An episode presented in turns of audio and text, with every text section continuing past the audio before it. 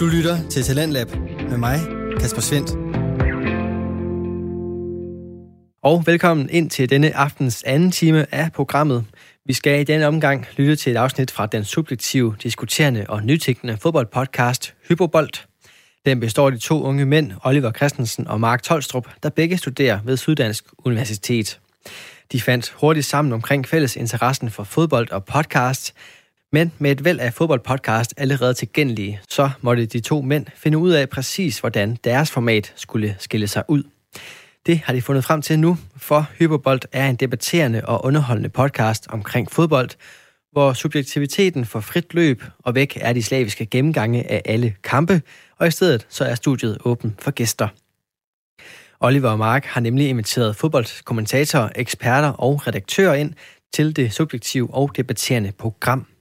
Udover de gode diskussioner, så bliver gæsten og Mark også udfordret i quizzer om episodens emner, mens vi som lytter også får vores sag for, når vi i løbet af sæsonen skal have gættet den hemmelige fodboldspiller, der gemmer sig bag ledetrådene, som du kan høre ved slutningen af alle podcastens afsnit.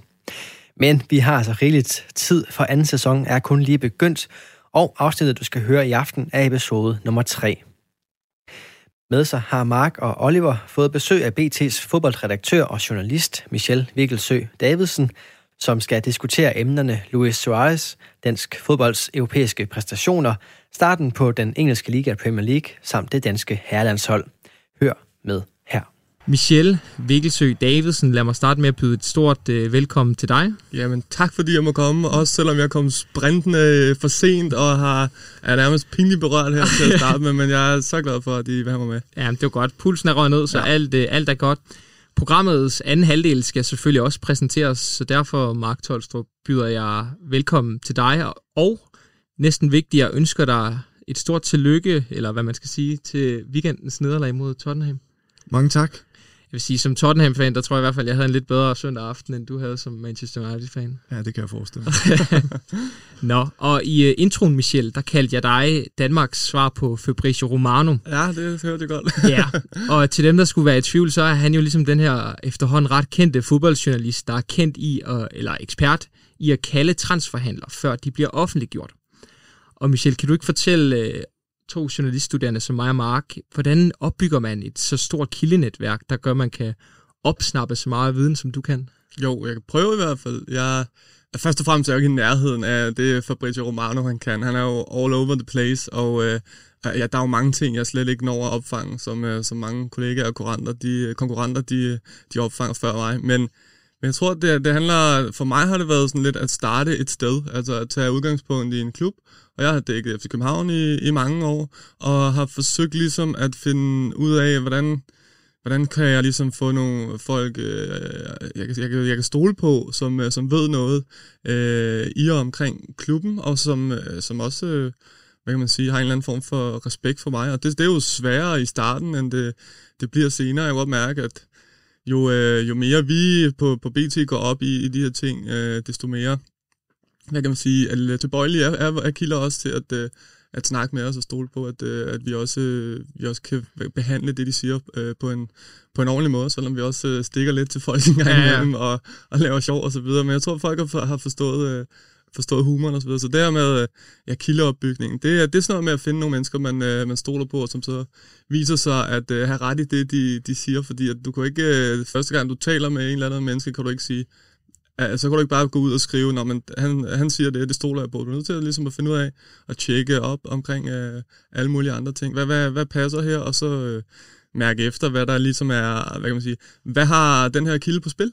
Altså, øh, hvad, hvad kunne være den her kildes øh, øh, grund til at, øh, at sige de her ting? Og så vurdere, hvad, øh, om, det, om han taler sandt eller ikke specielt sandt. Så, så til sidst, så, så plejer vi, det, vi at ramme et eller andet, der, der lander i nærheden af noget, af noget sandt. Og nu må du have haft en lang arbejdsdag i går, da du var med sammen med BT og ja. ligesom dække den her transfer deadline dag.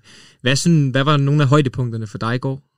Jamen, øh, jamen, det er jo altid sådan lidt øh, det, man selv øh, ligger og, og arbejder med. så det er jo sådan noget, jeg synes hele den her Højer saga, Kasper Højer på vej til Dynamo Zagreb, som også var afhængig af, at øh, Malte Amundsen skulle komme til AGF. Og, og til det sidste var man i tvivl om, det ville ske. Det, det er en af de der ting, som jeg også da jeg sad på den anden side og bare fulgte med i, i hvad der skete i transferverdenen, synes var sjovt. Altså sådan noget lige op til, til deadline. Ikke? Sanka, der, der breaker i, øh, i FC København efter, at rygterne har været der i, jamen jeg kan næsten ikke, altså i to-tre måneder. Og midt i dit interview med, med, med, med Joachim Andersen. Præcis, med, uh, med, Anne eller med kyllingenkostyme på, og hvad fanden der ikke var galt der. Ja, det var, det var fuldstændig gag, uh, men også det her med, at, at, at få hul igennem til, til Joachim Andersen, der lige har skrevet under i Fulham, og så lige efter, så, så få hul igennem til Ståle Solbakken, som fortæller om, hvordan det hele er kommet i, i stand med, med, med Sanka FSK og vores uh, ture ud til, til sportschef, til Svend Grausen, uh, sushi-Svend, som vi gerne ville ud og hente uh, sushi med, men, men de skulle have ribbensteg sandwich åbenbart den, dag, den aften, så det kunne vi ikke, uh, det kunne vi ikke gøre. Altså så mange højde på den, så jeg synes, det er en sindssygt sjov dag. Det er jo, uh, vi, vi har bygget op til den i så lang tid, og, og så når det går i gang, så, så, er der, så, kan, så vi håber bare en lille smule styr på det, men der er bare kaos. Altså der, der sker bare så mange ting omkring os, så uh, der er mange højdepunkter. Det er skide sjovt. Det er godt. Og øh, lad os så stille og roligt kigge på det, vi øh, primært skal igennem i dag, nemlig dagens fire emner. Vi skal snakke om Luis Suarez, så skal vi igennem, ja, det bliver så det danske hold i Europa, men vi kommer også til at kigge på nogle af dem, der ikke klarede kottet. Så skal vi igennem Premier Leagues indledende runder. Der er nok at tage fat på, inden vi til sidst i dag skal igennem Kasper Jumans landsholdsudtalelse af de to kommende Nations League-kampe. Som altid øh, bliver der emnerne gennemgået via hypoteser, og vi har en quiz i midten, hvor I to eksperter skal duellere mod hinanden, inden vi til sidst i dag har, hvad der så bliver tredje bid af, fra den hemmelige fodboldspiller. Yes. Og øh, derfor synes jeg bare, at vi skal bevæge os hen mod emne nummer et. Emne nummer et, som er Luis Suarez. Det er dig, Mark, der skal i ilden. Og øh, du får egentlig bare tre hypoteser her. Yes, jeg er klar. Godt. Du tror ikke, at Luis Suarez bliver en succes i Atletico Madrid? Øh, det er svært at svare ja til ja nej til. Ja må være, at han bliver en succes. Han så. bliver en succes, ja. Du forstår ikke, hvorfor Barcelona vil af med Suarez og mener, klubben begik en fejl rent sportsligt. Jo. Og du finder det ekstremt uværdigt, at Suarez blev smidt på porten på den måde, han gjorde. Nej. Okay. Ja, Michel, så kigger jeg over på dig, ja. så er det sådan set, hvis der er noget af det... Jeg er okay enig i, i det, Mark siger. Øhm, hvad var den første? Den første, det var, at Mark, han tror, at Suarez bliver en succes i Atletico. Er det, ja, det var rigtigt forstået? han bliver en succes, ja. Ja. Ja, men så kan vi godt, den kan vi godt tage op så. Ja. Lad os tage den. Ja, okay. For jeg er faktisk enig i de to andre. Ja, men Michel, kan du så ikke starte med sådan at udfolde, hvorfor du måske ikke tænker, at han bliver den store succes? Jo, jeg, det, det, er mit, øh, det jeg så vil argumentere for, det er, at, at Suarez for 3-4-5 år siden var den perfekte Atletico Madrid-spiller. Øh, altså totalt øh, blodtørstig hele tiden på banen. Øh, perfekt, hvad kan man sige, øh, perfekt, perfekt kloning af den her Diego Simeone på, øh, på, kant, øh, på, på sidelinjen, der jo gerne bare vil, vil råbe sine tropper frem. Men jeg synes også, at Atletico Madrid-forholdet har udviklet sig lidt siden dengang, hvor det bare var at øh, spise modstandere til, til morgenmad. Jeg synes, at, øh, at de har udviklet sig i, i spillestil, og har måske haft brug for en, en anden type angriber end, øh, end Luis Suarez. Jeg, men jeg synes jo, han er skide god, så derfor er det også svært at, at gå sindssygt hårdt på, øh, på Mark. Men, øh, men jeg tror også, at han, han er også kommet, han er også, nu ser vi, kommet op i alderen, ikke? 33 år, vi er også ved at være der, ja. hvor at, øh, at Luis Suarez spidskompetence, der er nogle angriber, lad os se, Zlatan han bliver ved til, han, er, han snart er 40, ikke? fordi at hans spidskompetence er et andet sted. Uh, Luis Suarez har jo hele tiden været uh, energien og, uh, og noget fart, og, uh, og så den her, hvad kan man sige, sådan en, en Preben Elkærsk, øh, heldig, øh, hvad kan man sige, touch, ikke? Altså det her med, ja. altså, hvor mange gange har man ikke set Luis Suarez øh, lige få tåen på, og så prikke den igennem øh, benene på en, en modstander, ikke? Og, og har, han, han, har han stadig det? Altså Barcelona må have set et eller andet, som de har været øh, uenige, eller ikke har kunne, kunne lide, fordi at ellers så gør man, ellers så slipper man jo ikke af med Luis Suarez, og, og samtidig pisser Luis, eller Lionel Messi endnu mere af, hans gode kammerat, ikke?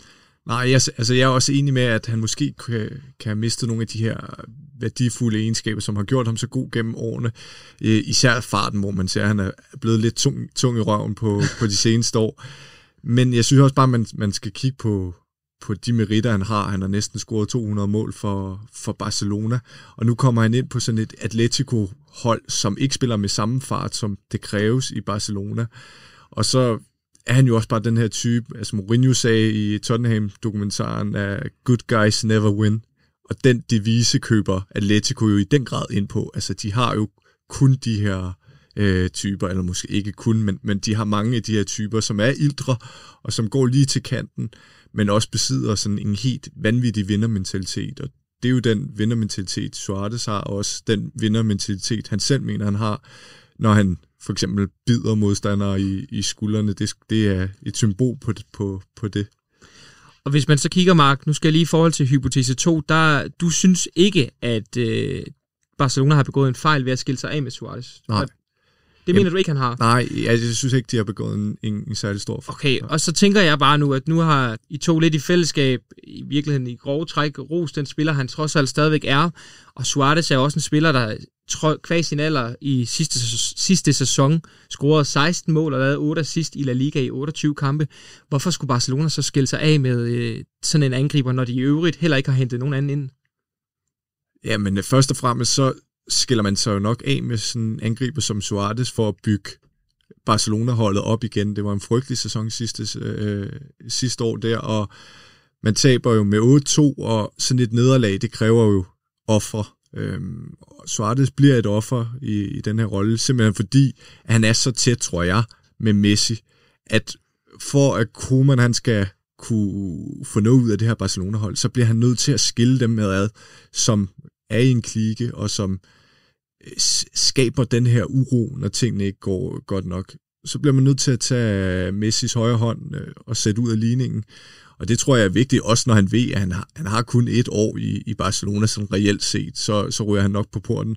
Så, øh, så er det med at få det bedste ud af det, og så er der altså bare ikke nogen fremtid i, i Suarez. Hvad tænker du, Michel? Jamen, jeg tænker, det er, jo, det er jo gode pointer, men der er jo også, det her Barcelona-hold skal jo, når du har Lionel Messi, så skal det bygges op om Messi, og jeg, jeg tænker, det, det her med at, at pisse ham af, jeg forstår godt, at, øh, at, at selvfølgelig, at der kan være en pointe i, at man skal, man skal ligesom fjerne de to fra hinanden, hvis de, er, hvis de ligesom er for stærke i et omklædningsrum og fylder for meget i forhold til, hvilken rolle man har tænkt sig. Det er det, man har set rundt omkring i, i flere klubber, at hvis en spiller faktisk er tiltænkt en, en lidt mindre rolle, og han har så meget, hvad kan man sige, han fylder så meget i et omklædningsrum på grund af sin uh, historik, altså Frank Lampard også i, i Chelsea i sin tid. Så er han nødt til bare uh, ligesom at få dem, uh, få dem ud igen, så de ikke, altså fordi at du skal, du skal bygge et nyt hierarki op. Men, men man har stadig Messi, som for altid, alle de dage han vil være i Barcelona, vil han være allerøverst i hierarkiet. Alle vil komme ind, og de nye, der kommer til, det er deres idol, de lige pludselig spiller sammen med. Så, så det her med, du er også nødt til at at kigge på dine spillere, sådan noget, som man altid har hørt Ancelotti gøre. Øh, hvem er mine bedste spillere? De skal have det godt. Det, det handler om, at de skal, de skal hygge sig, de skal være glade. Øh, især på sådan et, øh, et kæmpe stjernespækket hold som, som Barcelona. Og det kan, der kan godt være lidt bekymret for, at man fjerner det, som jo har vist sig at være øh, Messis sindssygt gode ven, som, og, og det smerter jo Messi, det kan man se på alle hans reaktioner efterfølgende. Og det er endnu en, hvad kan man sige, for Barcelonas vedkommende, det kan godt være, at de også bare skal rydde helt ud, men det er endnu en, hvad kan man sige, det, det er endnu en sten i det her tårn, der bygges omkring øh, Messi mod Barcelona, den her øh, konflikt der. Og her øh, omkring den sidste hypotese, så virker det til, at begge to egentlig ikke mente, at det var så uværdig en afsked, at øh, Suarez får med klubben. Og grund til, at jeg tog den her hypotese med, det er fordi, at jeg synes ellers, der har været sådan en antagelse i mange medier om, at klubben har pisset på ham, og der har været relativt store overskrifter.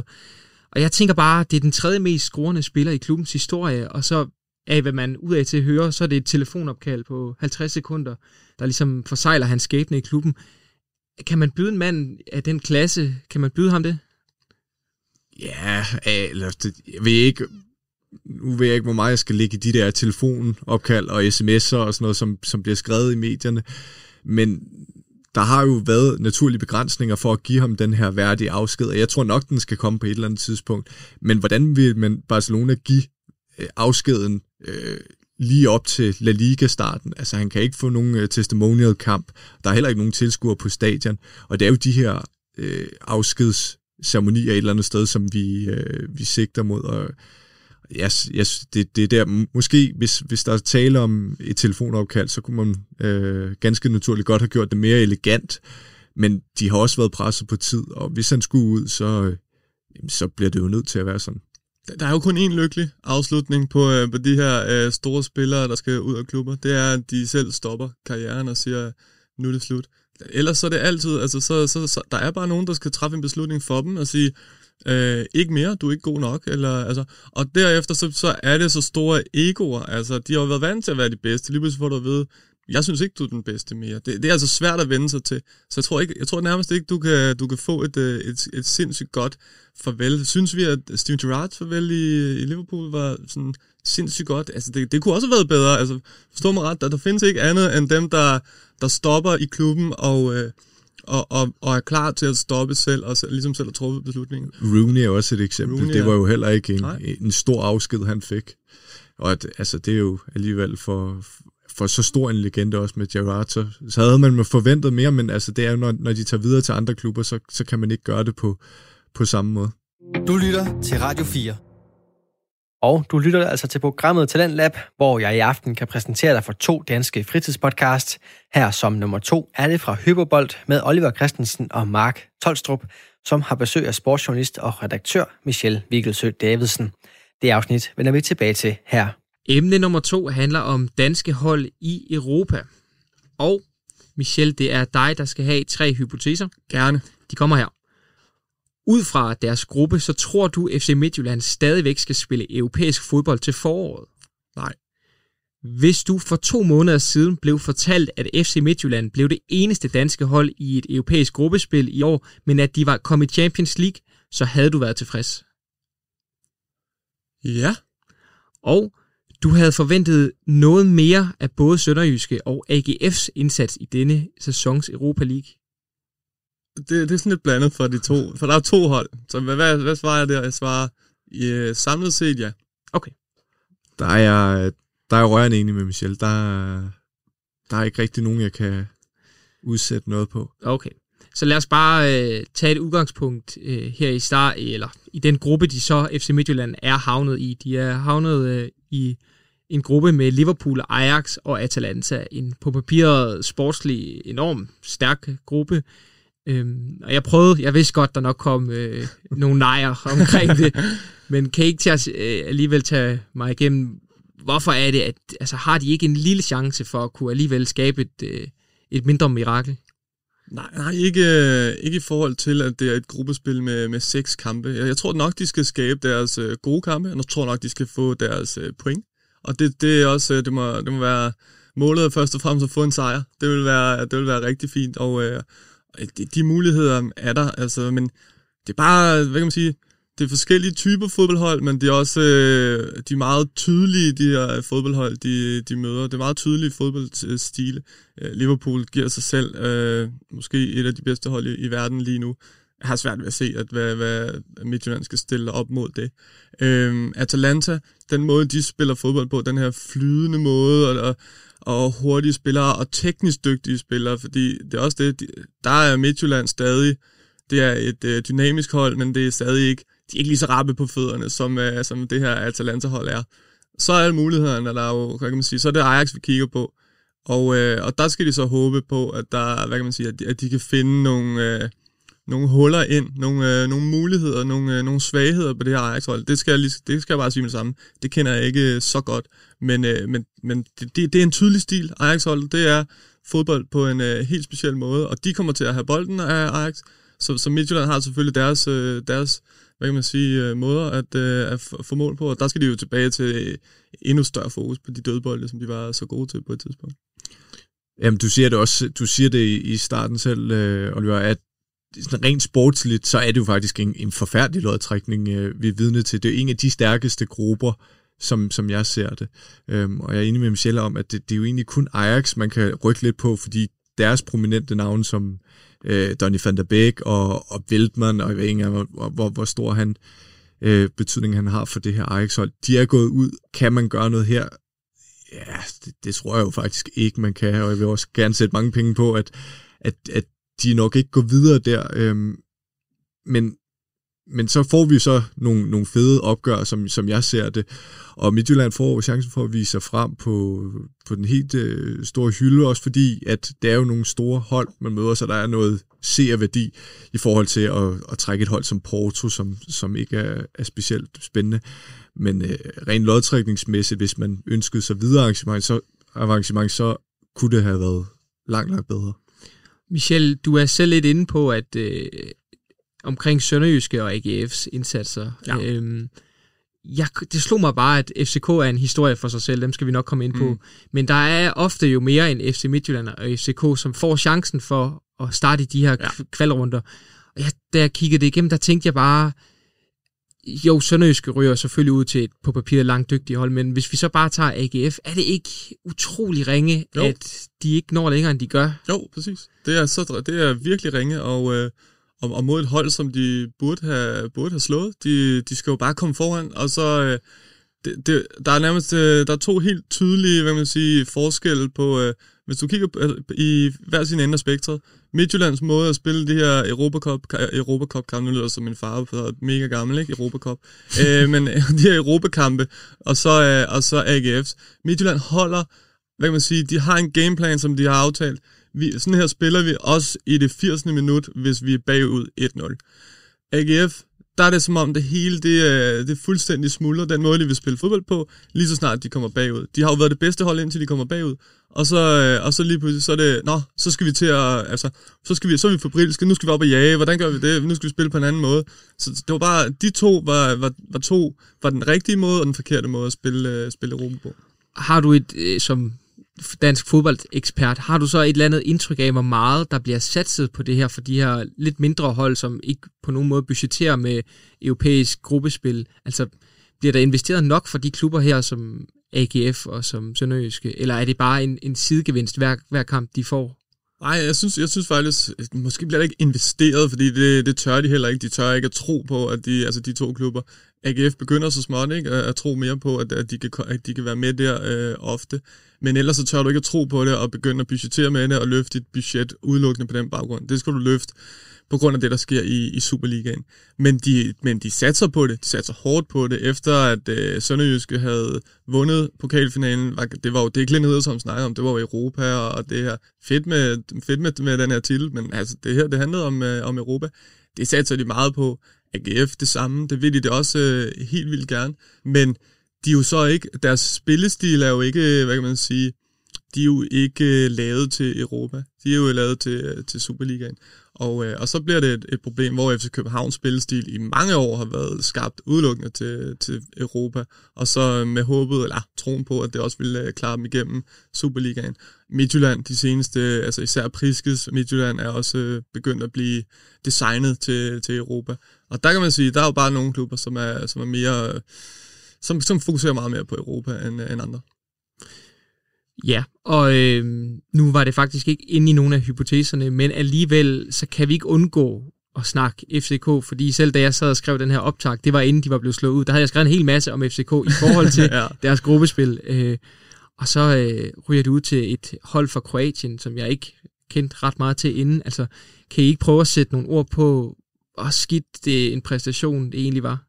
Om det var skidt, øh, det, det er generelt skidt for, for FCK, at man ikke får, får kvalificeret sig til Europa. Det er også kun anden gang siden år 2006, øhm, og som, som Ståle Solbakken også var ude at sige, at det, det er jo det er jo det her renommé, FCK har i Europa. Det er så vigtigt for klubben og klubbens identitet, og når man så ikke får kvalificeret sig, og ikke kvalificerer sig mod et, et kroatisk hold, som, som, øh, som i hvert fald du og jeg jo ikke kendt så meget til øh, på forhånd, så er, det, så er det tæt på en katastrofe. Også øh, med det en mente, at det går, som det går i Superligaen.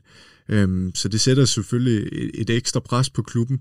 Øhm, og nu, nu redder de sådan lidt ære ved at, at, at hente spillere som, som Sanka i går, og som beviser, at de er klar til at, at, ligesom, at, at genvinde Superligaen. Men, men det er generelt rigtig skidt for klubben, at de ikke er, er ude i Europa. Det var så dårligt. Altså, lad mig bare sige det som at det var så dårligt, den kamp der. Altså, der er de seneste øh, 10-12 måneder, jeg har set en del dårlige FCK-kampe. Øh, Den, og så den mod øh, Malmø, tror jeg er noget af de slemmeste. Horsens også. Øh, men den der kamp på i så vigtig et opgør, og øh, en kamp på hjemmebane, og du, du skal bare sættes, bare, men altså, du skal sættes op, som det Europahold, du nu engang er. Og du møder et hold, du, du sagtens kan slå, de var ikke gode. Altså, det, det, var, det var ekstremt ringe. Hvor, hvorfor gik det galt? Øh, fordi at FCK er i en, øh, en tilstand lige nu, hvor der ikke er nogen øh, grund selvtillid i holdet. Altså der er, lige så, der, der, det, der skal bare gå en lille ting galt, så mister holdet den, altså de kan godt komme ud og ligne et øh, selvtillidsfuldt hold, men, men meget skal ikke gå galt.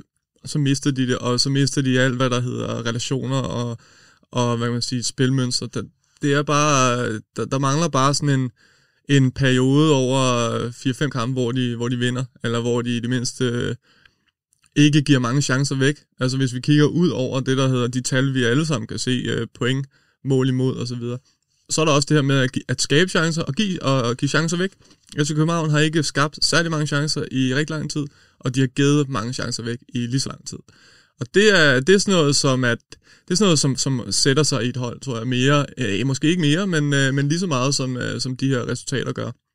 Så altså, de har ikke, de har ikke haft den her øh, tro på, at, at hvis vi bare følger gameplanen, så skal, det, så skal det nok gå, som de ellers altid har, har kørt med. Lad det være de sidste ord fra andet emne her, øhm, og i stedet lad os hoppe videre til dagens quiz. Dagens quiz er som altid en øh, gennemgang af dagens fire emner. Der er et spørgsmål til hver af dagens fire emner. Og Michel, det er sådan, at du må vælge, om du vil vælge spørgsmål 1, og så få spørgsmål 4, eller om du vil vælge nummer 2 og 3, hvis de giver mening, sådan ABBA-modelagtigt. Okay, så jeg, jeg får enten 1 og 4, eller 2 og 3? Ja. Okay. Og så må du vælge, hvad du vil. Og det må jeg nu? Ja. Jeg får ikke spørgsmålet først. Nej. Og det havde ellers været fedt? Så tager jeg øh, 2 og 3, så regner jeg med, at du måske svarer forkert på det første, og så er der lidt mere ro i Ja. maven herover. Ja, 2 og Ja. 3 tager jeg. Så er det dig, Mark. Sjældent, at det er dig, der får lov at Ja. lægge for. Og det er også øh, det er nogle svære sådan nogle emner lige at præcisere, men om så skal jeg også på tavlen nu, ikke? Efter to nederlag i Og indledningen. det er den bedste chance, du har. Du, du spiller mod Rijeka, kan jeg godt fortælle. Jamen, øh, lad mig starte med Suarez. Okay. Dit spørgsmål, det kommer her. Hvilken af følgende danskere har spillet på klubhold med Luis Suarez? Er det Nikolaj Bøjlesen, Christian Eriksen, Lasse Schøne eller Christian Poulsen? Oh, Altså en af de fire spillere her, der har spillet kampe sammen med Luis Suarez. ja. Den er godt nok svær. Den er svær. Vil du kunne svare på den? Nej, jeg vil svare på en af de fire. Okay. Oh, ja. Ja, ja, ja. Nikolaj Bøjlesen, Christian Eriksen. Lasse Schøne og Lasse Christian. Poulsen. Jeg er rimelig sikker på ikke af Christian Eriksen. Det er jo skidt, hvis det så er ham, øh, at det, er den første, jeg udelukker. Nikolaj Bøjlesen, der har jeg heller ikke... Jeg føler, at jeg burde have hørt nogle anekdoter fra ham, hvis han havde spillet med ham. Øh, Og det var spillet med ham, du var ikke, ikke spillet med ham. Nej, altså hvilken af dem her har spillet med ham? Ja. Så der er en af dem, der har spillet kampe med ham. Lasse Schøne. Og det er jo hans... Han, han er jo den, jeg husker tydeligst, men spørgsmålet er, hvor lang tid han har været der, og Christian Poulsen er langt tilbage.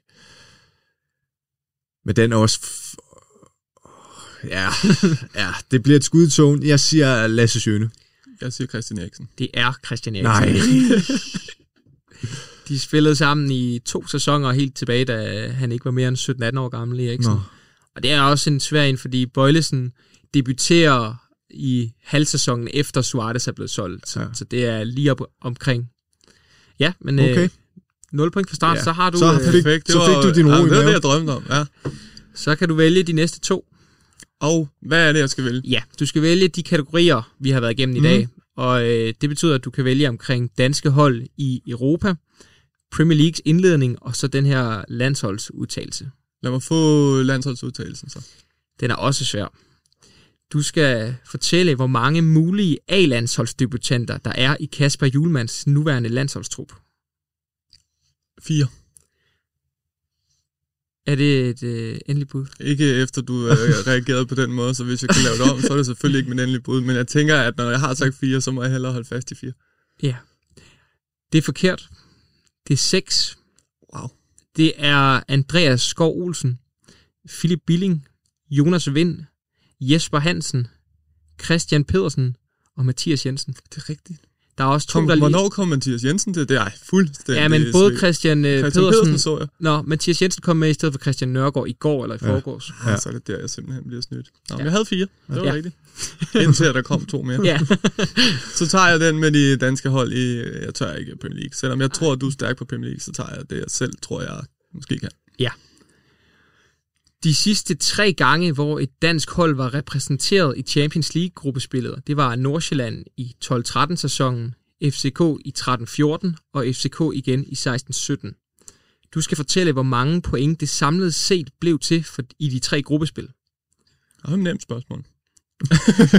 Samlet set, Ja, og du har en margin på et point okay. i hver ende. Ja, FC Nordsjælland, det var ikke. Hvad vi...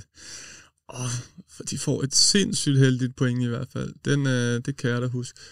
Så har FC København øh, den ene sæson, går de ikke nærmest videre fra, øh, fra gruppen der. Det skal man vel have 10 point for. Og så plus 1, det er 11. Hvad var min marken? Et point. Ah, det var en lille marken. øh, så, og så siger jeg, hvad har de så fået? Øh, de taber jo sjældent på, på hjemmebane i de der 3, 6, 7 point måske. Mm, 17, 18, 19. Jeg siger sgu, jeg siger 20 point. Ja, og det er forkert. Ja. Det er 14. Okay. Og Nordsjælland, var sgu- Nordsjælland fik kun et enkelt point. Ja, præcis. Og så fik øh, FCK 4 i 13-14 sæsonen, og så 9 i 16-17. Ah, så røg de videre på 9, eller hvad? Eller Ah, andet? gjorde, Nå, det var, så- det de var den der med Leicester og Porto, ikke? Ja, men det var Ja, det er 16-17, der røg de videre som træer. Ja, ja Så vidt på jeg husker. måde videre. Yes. Nå, Mark, Uff. Så ja, kan du, så er øh, lidt ro i maven her. Ej, nu tror jeg på dig. du skal fortælle, hvilke tre Premier League-klubber, der har scoret 12 mål i indeværende Premier League-sæson. Og jeg kan så også afsløre, at 12 er så de klubber, der har scoret flest mål. Du har fire bud til det. Og der er tre klubber, der har scoret Der er 12. tre, jeps. Jamen, Everton må have scoret 12. De ligger nummer et. Ja. Åh. Aston Villa laver godt nok syv, ikke, forleden. Det bonger jo lidt ud, naturligt, men Det er tæt på 12. det er tæt på 12. de har også vundet de sidste to. Åh. Jamen, jeg siger... Jeg kan bare ikke huske, hvem de ellers mødte. Jeg siger Leicester. Leicester, de vandt også stort over City. Leicester, det er rigtigt. Så mangler du kun den sidste. Den sidste, og jeg har to bud til den. Ja. Okay. Okay, så står jeg mellem Aston Villa og Tottenham. Det må jo være en af dem. Du kan jo gætte på begge to, ja. kan ikke? Jo. Det kan du. Jeg siger Aston Villa først. De ligger øverst i tabellen. Det er forkert, Så må jeg sige Tottenham. men det er rigtigt. Yes. Sådan der. Så er du på tavlen, Mark Tolstrup. Du reducerer øh, til 1-2 i de her øh, indbyrdes dueller mellem gæsterne og så dig. Et vigtigt, vigtigt point for Undskyld ikke at... til alle andre gæster herfra. Du kan sende øh, Henrik Fallesen og Martin Gottschalk en, øh, en venlig tanke. Ja, det vil jeg gøre. Du lytter til Talentlab med mig, Kasper Svendt. Og vi er i gang med aftens andet podcast afsnit her i Talentlab-programmet, som giver dig mulighed for at høre nogle af Danmarks bedste fritidspodcasts. I denne time, der kan du høre en episode fra fodboldpodcasten Hypobold med Oliver Christensen og Mark Tolstrup. De har inviteret BT's fodboldredaktør og journalist Michelle Vigelsø Davidsen ind til det subjektive og diskuterende studie, og det afsnit vender vi tilbage til her. Emnet er Premier Leagues indledning. Det er dig, Mark Tolstrup, der skal have tre hypoteser. Ja. De kommer her. Yes. Efter indledningen på denne Premier League-sæson ser du nu Everton som en seriøs kandidat til at slutte i top 4. Ja. Selvom der var en swooper i weekenden, så er du stadigvæk overbevist om, at Liverpool bliver mestre. Nej.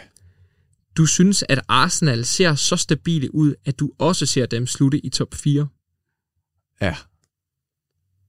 Okay? Ja, der, der er faktisk mere uenig. Jeg, Ja. tror, jeg tror ikke, øh, at Everton de øh, ender i, i top 4.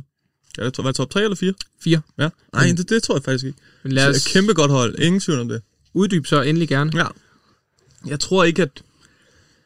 Vi når også på et tidspunkt til et punkt, hvor, at, øh, hvor, hvor der er nogle ting, der, der udligner sig. Der er nogle hold, der har spillet øh, lange sæsoner. Øh, nogle af de, de bedste hold i, i England spillet lange sæsoner. Der har, tror jeg, at Everton har haft en, en fordel i ikke? At, altså, at have en meget bedre preseason og, og komme godt i gang.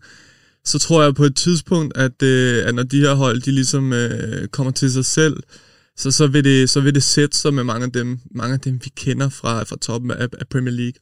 Men, øh, men det gør også ondt på mig at sige, for jeg synes, det er fedt. Jeg synes, det er et kæmpe fedt projekt, som er Ancelotti er gang i. Øh, fede spillere, fede typer og, og alt det der. Jeg tror bare ikke, jeg tror ikke i den lange, øh, på den lange bane, at den, øh, den holder. Nej, det er nem, nemlig på den lange bane, at det, det skulle blive vanskeligt for, for Everton. Også fordi, at de ikke har på samme måde som, som Liverpool og, og City, og måske ikke engang Liverpool, men på de vigtige positioner, Richarlison, Calvert-Lewin, som er kommet, kommet i gang, ikke har i lang tid lignet en, en, en semi-dårlig angriber, men nu, nu scorer han bare mål på samlebånd. Og der har de måske ikke samme bredde, hvis, hvis sådan nogle typer skulle gå ud. Rames Rodriguez er også rigtig, rigtig vigtig her i indledningen. Men omvendt så synes jeg også, at man kan se, efter at Ancelotti er kommet til, han har ligesom fået vendt skuden, han har købt de rigtige spillere ind, øhm, og lige nu, der ser det altså forrygende stærkt ud. Jeg ved også, man, man kan meget på selvtillid. Øhm, Calvert-Lewin kan rigtig meget på selvtillid. Men Premier League virker også til at være altså helt, helt åben i år. Øh, United har startet forfærdeligt, City har startet forfærdeligt, Liverpool har startet sådan Mærkeligt. ja, meget, meget shaky, mm. især ned forsvaret, som, som har været en af de der forser, de har haft øh, de, de seneste to sæsoner. Så på den måde, så, øh, så, så, så kan jeg ikke se dem som andet end en seriøs kandidat til top 4. Men, men det kan jo godt være, at noget af den her pus, den, den ryger i, i takt med, at vi kommer længere hen i sæsonen. Og så, så vil man naturligt dale øh, nogle, nogle positioner, men, men seriøs kandidat synes jeg nok, de er. Hvad med Michel Arsenal, som godt nok taber til Liverpool, men som ellers har modsat stort set rækkens 19 andre hold, har virket sådan nogenlunde stabile. Hvad tænker du om, om dem for den kommende sæson? Jo, men det er jo sådan, øh, hvad kan man sige, et, et klassisk øh, koncepthold, hvor at det er konceptet først, spillerne dernæst.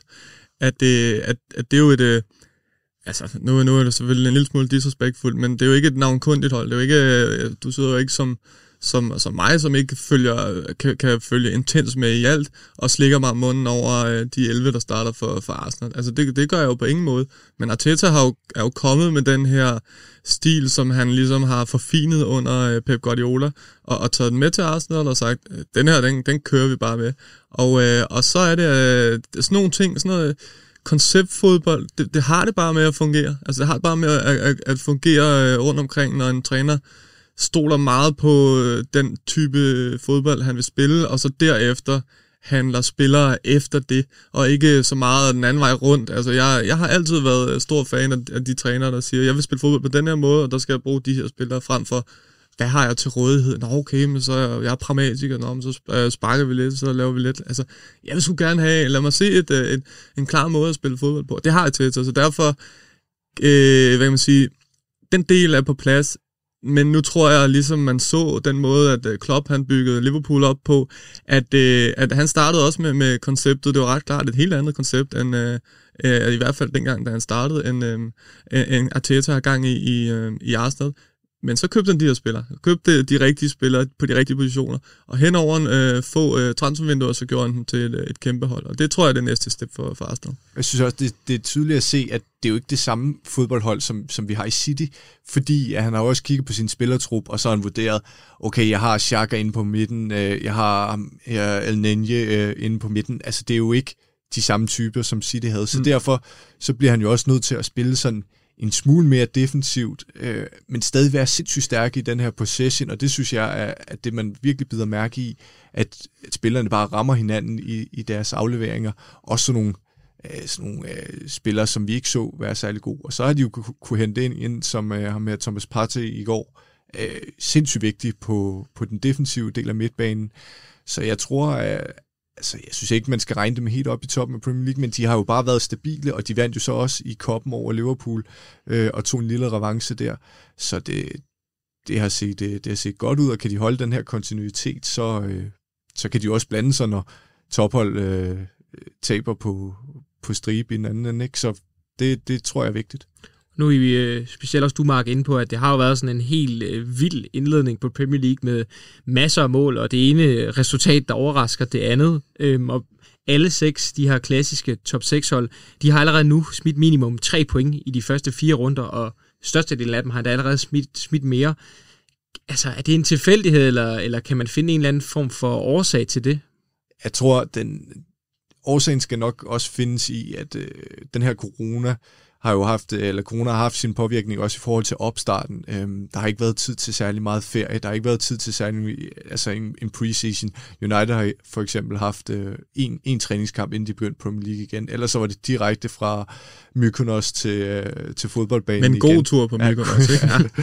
og, og det er, det har helt sikkert haft sin, sin indvirkning på de her hold, som er nået langt i de europæiske turneringer. Øhm, du kan også se City, det, altså, der skal virkelig bankes noget rust af.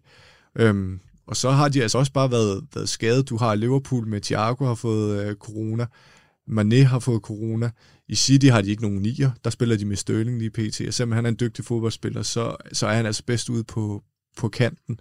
Så øh, nogle af de her ting har, har helt sikkert spillet en rolle. Altså det her med fansene. Jeg tror altså i forhold til de her high scoring games, som vi ser, altså der tror jeg at fansene har en, øh, en indflydelse. At, øh, at det bliver tættere på en træningskamp, end det, end det egentlig gør på en uh, turneringskamp. Alle ved, at hvad der er på spil, når de kommer ind. Det er ikke så meget det.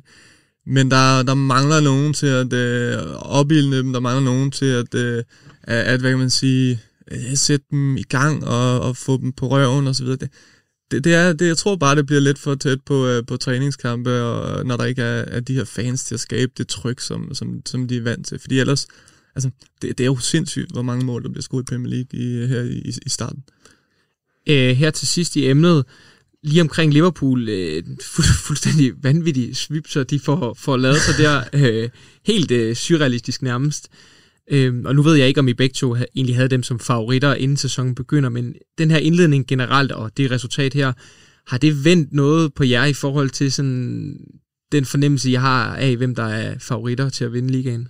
Jeg havde personligt øh, faktisk Manchester City som favoritter, fordi jeg troede lidt, at man så, at Liverpool gik lidt ned. Det er også naturligt, når de har sikret mesterskabet. Øhm, men de var gået lidt ned i sidste sæson, og så tænkte jeg, City har måske fået den her sult tilbage, som Liverpool måske har mistet lidt, og så har de fået øh, oprustet i forsvaret.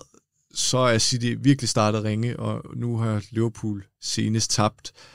Jeg har lidt Liverpool som favoritter, men jeg føler mig ikke sikker på, at det, det er der, den vej, de skal gå. På papiret, så synes jeg, at de har et rigtig stærkt hold, og, og Thiago, når han bliver coronafri, øh, skal vise sig at være en, en rigtig vigtig brik for den her midtbane.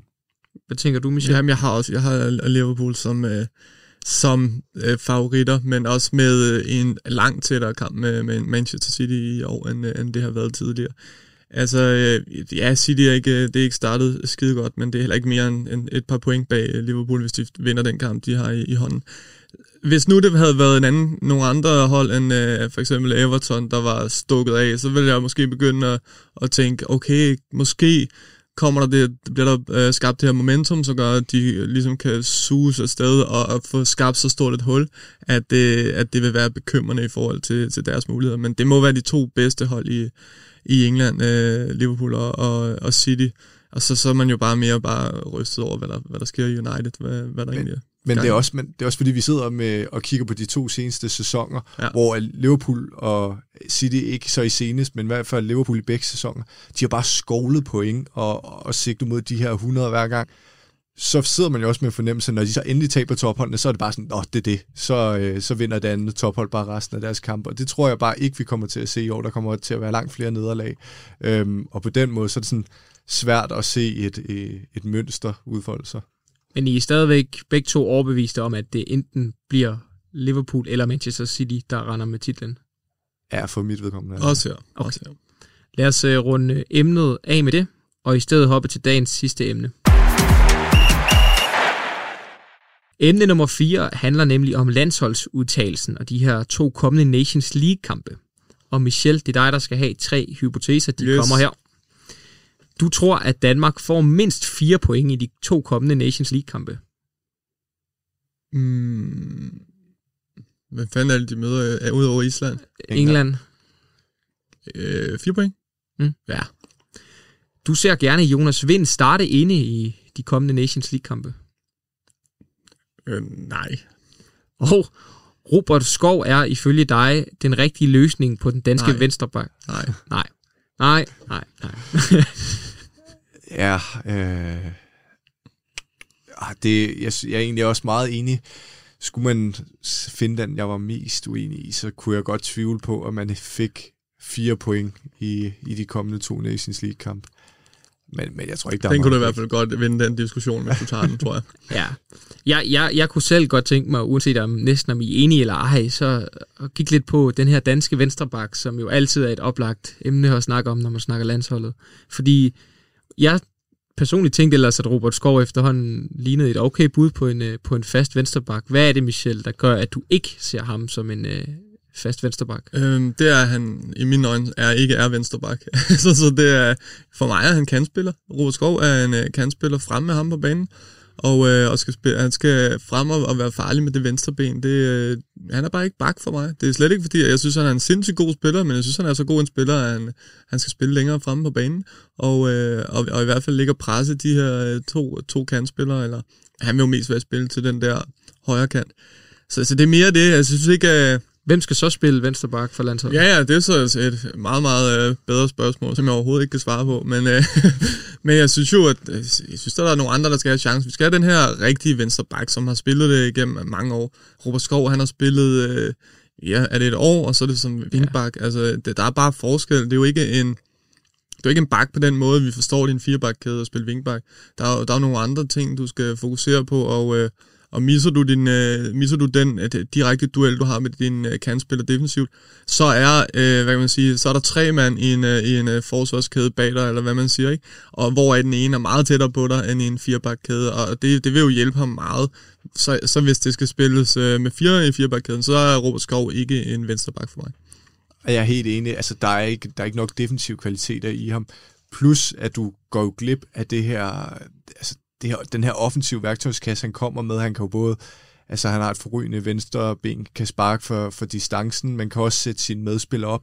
Og det kan han ikke på samme måde, hvis han, han ligger på, på bakken. Der ved jeg godt, at de skal med frem. Men han skal så også have sin, sin, sin defensive rolle en mente her. Øhm, og det i en, som, som Michel siger, i en wingback fungerer han OK, der synes jeg egentlig stadigvæk, at han bør spille, spille kant. Men, men til nød skal han spille den her rolle, men, men i en øh, firebakkæde, så, så bliver det lidt udstillet, men, men nu må vi se. Det ligner jo, at man vil omskole ham, og så kan det jo gå hen og blive en, en succes fremadrettet, men det virker lidt som mangel af bedre. Jeg tænker bare, at på, nu har vi udgangspunkt i landsholdet her, og jeg synes sådan set, at de offensive positioner på landsholdet er ret godt besat, og nu ved jeg godt, Michel, du ikke sagde, at du anede før, hvem der så skal spille den, men hvis I er så hurtigt til at konkludere, at han i hvert fald, Robert Skov, ikke skal røre venstreback med en ildtang. Nej, du sagde på den lange bane, ikke? Jo, men jeg spurgte, om Robert Skov var den rigtige løsning på, det dan- på den danske venstreback, også på den lange bane. Ja. ja.